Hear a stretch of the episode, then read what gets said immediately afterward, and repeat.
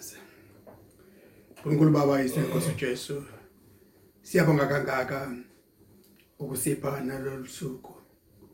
Ubahlale phansi silalele izwi lakho. Sifisa kangaka ukukhuluma enhlizweni zethu. Ukhulume kwisimo esibhekene naso kwisimo esisihlasele njengesizwe nanjengebandla lakho. Siyakholwa kangaka Nkosi ukuthi akekho umuntu ongasikhipha kulenkathazo esibhekene nayo kodwa kuwena kuphela.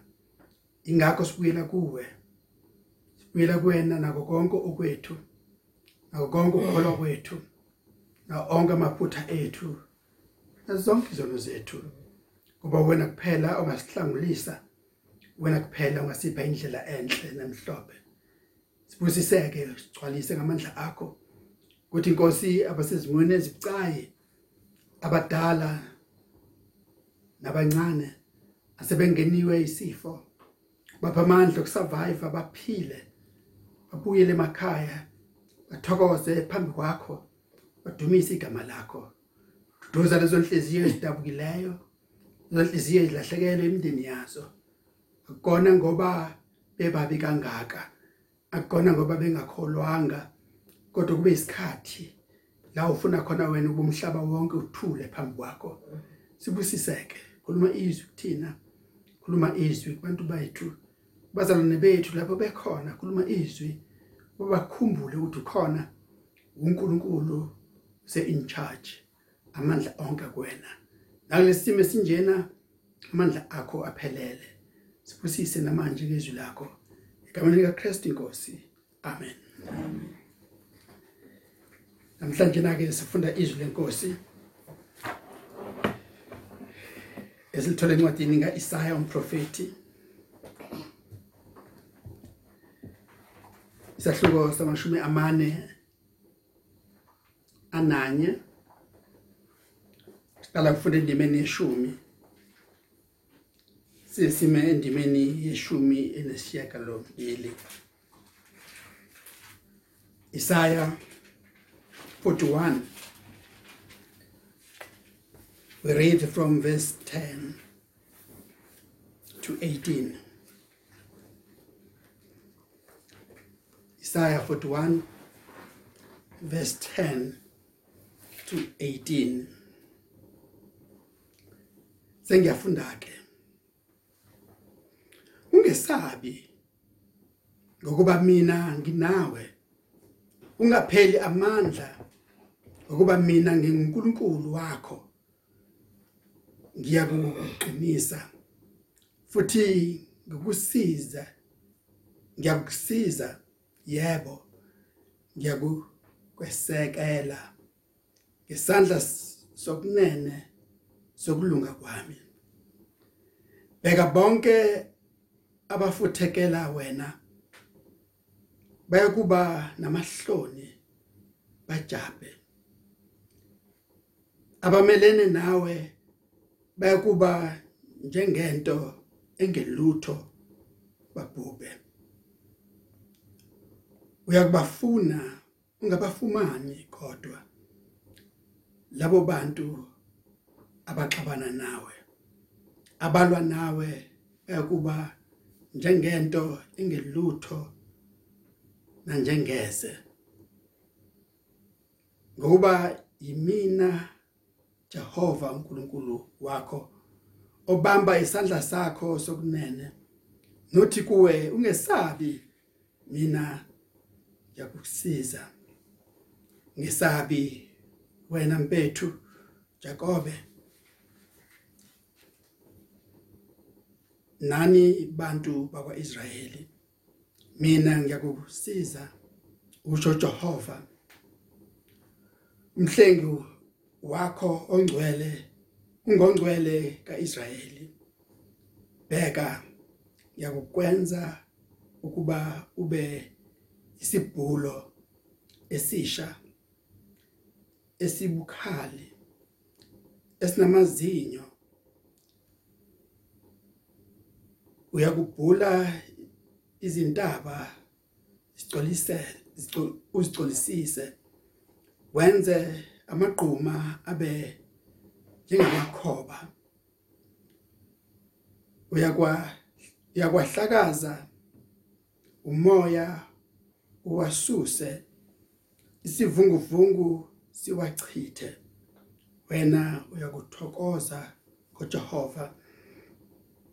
Uzibonge ngongcwele kaIsrayeli. Abampofu nabasweleyo bafuna amanzi kepha awekho. Nolimi lwabo luphela ukoma. Mina Jehova ngiyakubaphendula mina uNkulunkulu kaIsrayeli angiyi kubashiya ngiyakuvula imifula emadulini angenalutho. Nemithombo phakathi kwezigodi ngiyakwenza ihlane libe yichibi lamanzi. Nomhlabathi omileyo ube iziphethu zamanzi. Izwi lakho simakade siyabonga kangaka ukuthi ulikhulume kuthina ngalesikhathi. Ngiyambingelela ke bathandekayo nanonke nizwa lelizwi lalesikhathi endaweni enihleli kuzona emakhaya enihleli kuona ngibingelela egameni lika Jesu Kristu inkosi. Ngiyalezwa namhlanje na uzomisa isibindi? Uzosiqunga isibindi.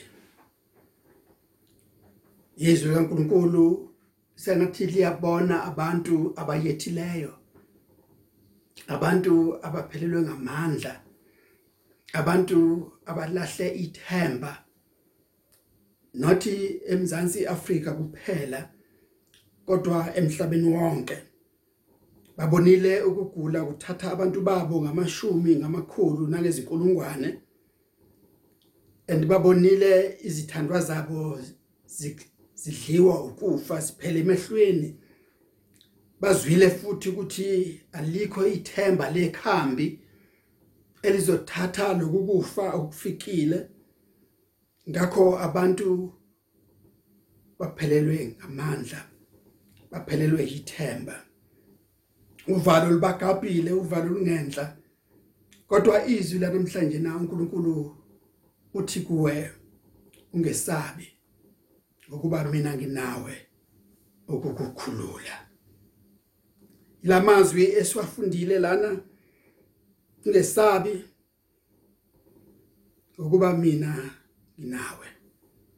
Ngaphela amandla ukuba mina nginuNkulunkulu wakho. Qiniso ukuthi singabantu imiqondo yethu iyashesha ukudideka. Inqondo yethu iyashesha ukuhlanganisa lokho nalokho ibisikhe ibisikhipha impendulo ukuthi okusho ukuthi siyaqedwa sonke siyaqothulwa sonke siyaphela. Iqiniso ukuthi nezitha ezingaphandle ziqalile ukholoda sizwile esikhathini esedlule ukuthi bathi abantu uphi uNkulunkulu wakho. Noma uphi uNkulunkulu wenu uma ninjena. Ilesi simo esenza ukuthi uma sihleli singabazalwane umoya ungabaza ugcina usungenile. Kodwa uNkulunkulu uthi ungesabi akakashintshi lutho. Ngisenguye uNkulunkulu wakho. Ngisenguye onamandla. Ngisenguye uNkulunkulu ozakusindisa. Uthi ngiyakuqinisa. Futhi ngiyakukusiza lokhu esikholelwa kona uma lithi izwi kaNkuluNkulu uma sikabhekile izinhlupheko usizo lwethu livelaphi na? Sizo lwethu livela kuJehova ongumenzi odalile izwi nomhlaba. Akazeli akalali. Bawozela abanye onkulunkulu baphela amandla abanye onkulunkulu abanye uNkulunkulu bayizinto ezingekho. Kodwa uJehova uNkulunkulu wethu unathi. Uthi bheka bonke beku bayakufutheka bafuthekele wena bakuvukele ungabi namahloni ungajabi ungapheli amandla. Ngoba ubona abantu abamelene nawe beza ngomfutho beza ngesimo nangezindlela eziningi. Ilokho phela akushilo encwadini kaDeuteronomy uthi nina engababusisiweyo bakhe niyakuhlaselwa ngezindlela zonke kodwa banibalekele ngendlela eyodwa? Basuke phambi kwenu. Cha nangalesikhathi uNkulunkulu uthi uma esevukile ukukusiza esephumile ukukulwela uyoqalaza ngapha nangapha abantu kade bekuhlasela ungababoni. Ngeke usabafumana ngoba uNkulunkulu yobe bahlakazekile uNkulunkulu yobe sibasusile phambi kwakho. uNkulunkulu yobe ebenze into engelutho ngoba uphumile ukukulwela nazo zonke izimo ezixabana nawe. Ngabe inomkhuhlane? Ngabe izimo zobumpofu? Ngabe izimo zokuswela imisebenzi? Ngabe noma isiphi isimo?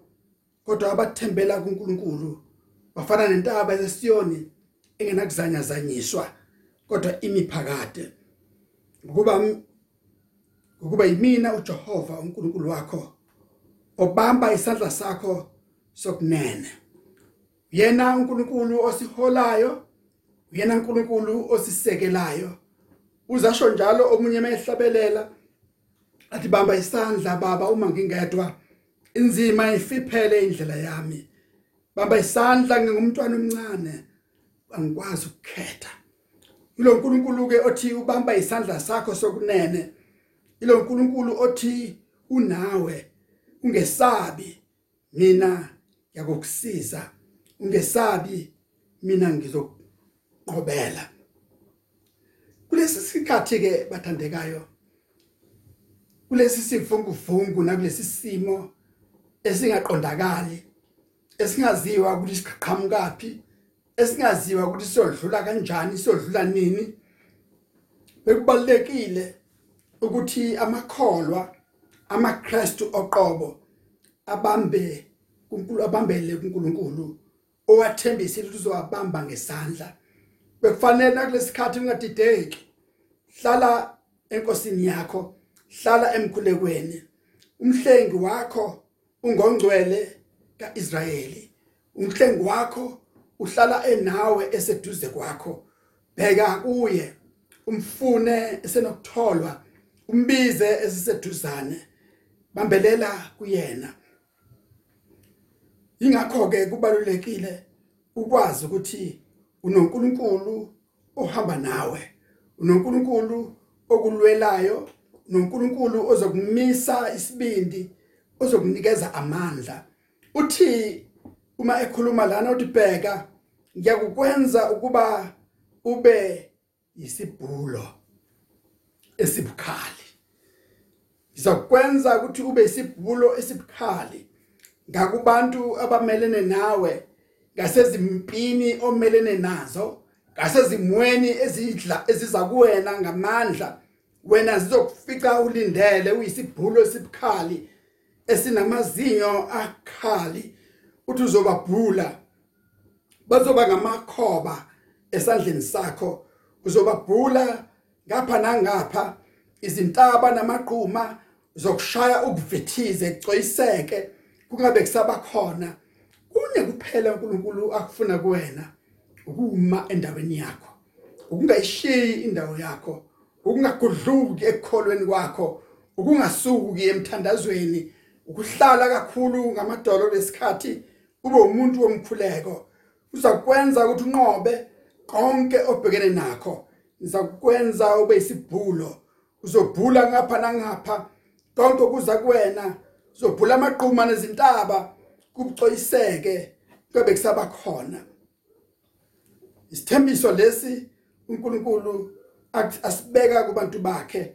Isithembiso lesi uNkulunkulu asibeka ebandleni lakhe ukuthi nizobahlakaza babe ngumoya.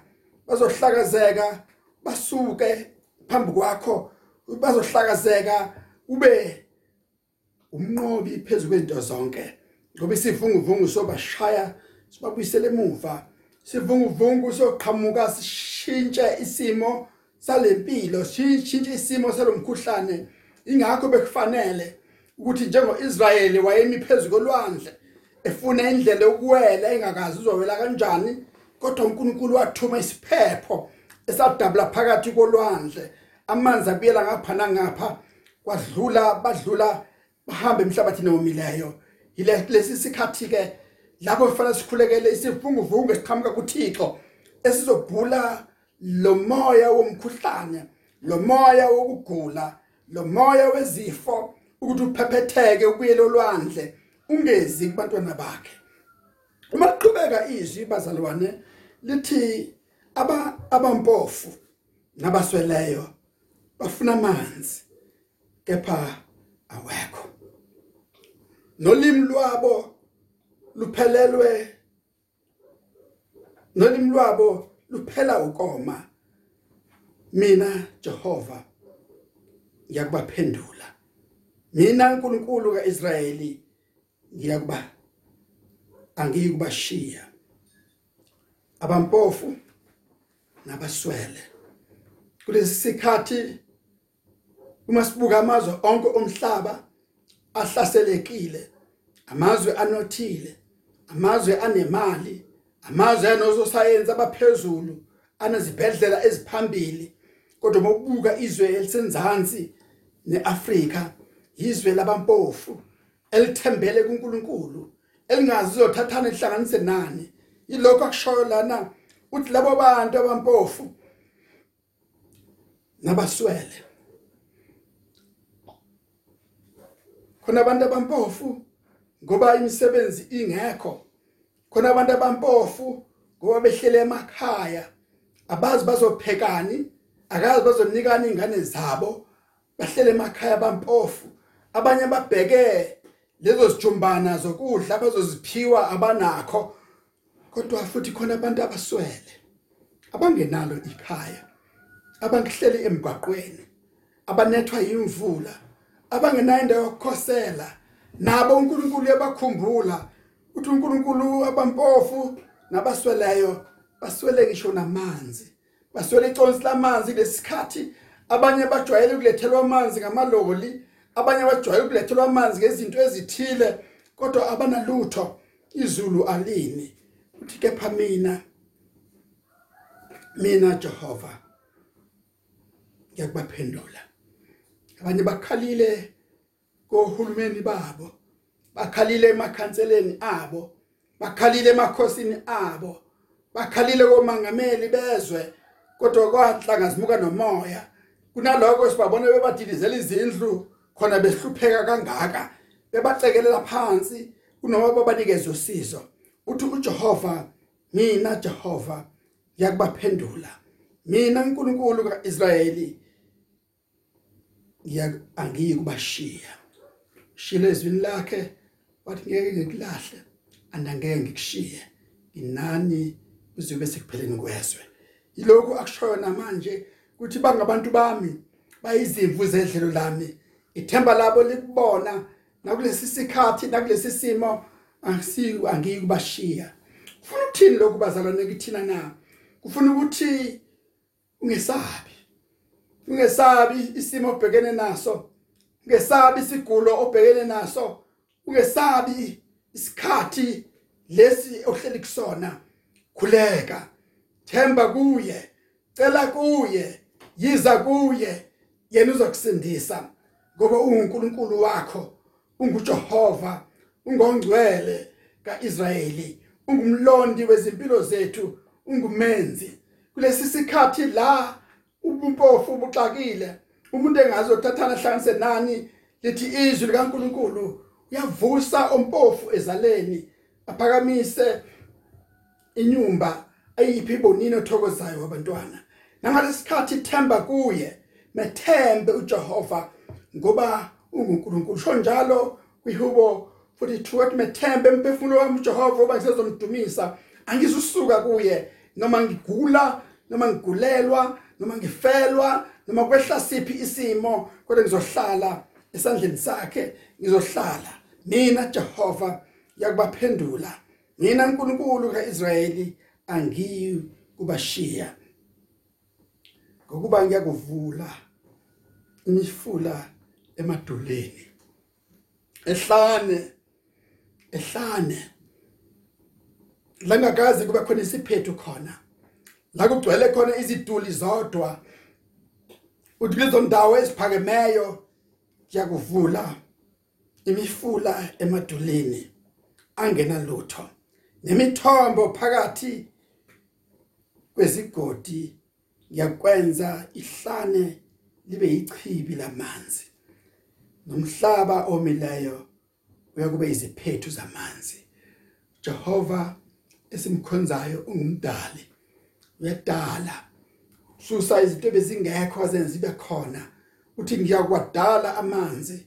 Kulesikhathi lapho ososayensi bengafihli lutho besho ngokusobala ukuthi ikhambi lalesi sifo abanaso abanalo kodwa uNkulunkulu uzodala ukuphila uzodala ukuvuseleleka komzimba wakho kwama immune systems akho uzodala ukuthi sifike isifo kodwa singakuthinti uzodala ukuthi uma sikuthintile isifo sidlule wena usale umile uphilile uqinile. Yilokho bekufanele sikukhulekele ukuthi uNkulunkulu agome imizimba yethu alumbe imizimba yethu ukuthi lezi zifo ezikhonjwayo noma ngabe bezakhiwa ngabantu noma ngabe bezoqothula iAfrika noma ngabe inhloso bewubhubhisa sonke isizwe sinsundu kodwa kufanele ngomkhuleko wakho ukuthi inkosi dala kimi amandla dala kimi ukuphila dala kimi umzimbeni wami resistance ukuthi kungahlali lutho oluza nalomkhuhlane kungahlali hlali lutho kuza naleli lumbo. Faka kimi umoya wakho engcwele. Bekufanele kulesikhathi kube umkhuleko wakho uthi inkosi Jesu mina ngifisa kangaka ukuthi ngigcwalise ngomoya wakho engcwele. Thinta impilo yami ngegazi lakho eliphilileyo. Thinta impilo yami ngegazi lakho elinqabileyo. Ungenze ngibe ongangenwa izifo ongangenwa amalumbo ongangenwa ilutho. Bekufanele ukuthi iAfrika yonkana ibheke kuNkulunkulu yeke ukukhuluma izinto ezingekho nezingenekwane. Bekufanele iAfrika yonkana ibheke kumdali bisithi inkosi uyithemba lethu wena. Wasivikela ezempini zonke. Wasivikela abantu besibulala bethatha izwe lethu. Wasivikela sihlaselwa ngezindlala sibukelwa phansi. Wasivikela iminyaka eminyaka namanje uzosivikela sizodlula la. Ingakho ethi uNkulunkulu yakuvula iziphethu emadwaleni. Uma uthemba kuye uma ucela kuye uzuyivula indlela. Uzoyenza inala kulihlane uzozivula isiphethu lehlane uzokwenza gobho zemithombo yamanzi lehlane. Ushilo uJesu wathi mina ngamanzi okuphila ophuza imaka soze oma. Bekufanele nangalesikhathi uthi inkosi Jesu iza kimi uze nokuphila. Ube inkosi yokuphila. Ube inkosi ezoletha ukuthula kulesivunguvungu. Ube inkosi ezoxosha indlala ezweni lakithi. Ube inkosi ezosimamisa isizwe saseAfrika isizwe esinsundu isizwe esingathandwa ezinye izizwe esihlaselwa izizwe zonke. Kuyisikhathi ukuthi inkosi simise siqinise sisekele sivikele sigcine ukuze igama lakho lidunyiswe. Lo myalezo ke bathandekayo ebekufanele sihlale kuona kulolu suku sithi uNkulunkulu abe nathi ngesabi. Ngaphela amandla Jehova akasilahlile Jehova unathi. Inkosi uJesu ushilo wathi mina nginani izikhathi zonke kuze kube sikuphileni kwezwe. Nangalesikhathi uJehova unathi inkosi inibusise. Amen. Amen. Sibonga izwi lakho Nkosi Jesu. Sibonga uqiniswa nguwe. Sibonga ukunikezwa isibindi sokuthi noma sihlaselekile amadolo ethu exega uvalo lukhona lumi ngenhla kodwa wena uthi singesabi singaphela amandla. Ngoba unathi siyazi unathi. Ube nathi ezimweni zonke. Waba nathi ezimpini waba nathi odlameni waba nathi sicindezelwa waba nathi uzoba nathi namanje. Sibusiseke inkosi kusisa abazalwane bethu bonke ezindaweni zonke abahleli kuzona emakhaya bakuwona baphe ungahlehli manje. Akusona isikhathi sabo kuhlehlela emuva kodwa bakuphikelela bathandaze bakukhonze kakhulu. kuba sekuseduze la siyakhona ushile wathi singesabi wena nathi sigcineke njalo egameni kaKristu inkosi. Amen. Amen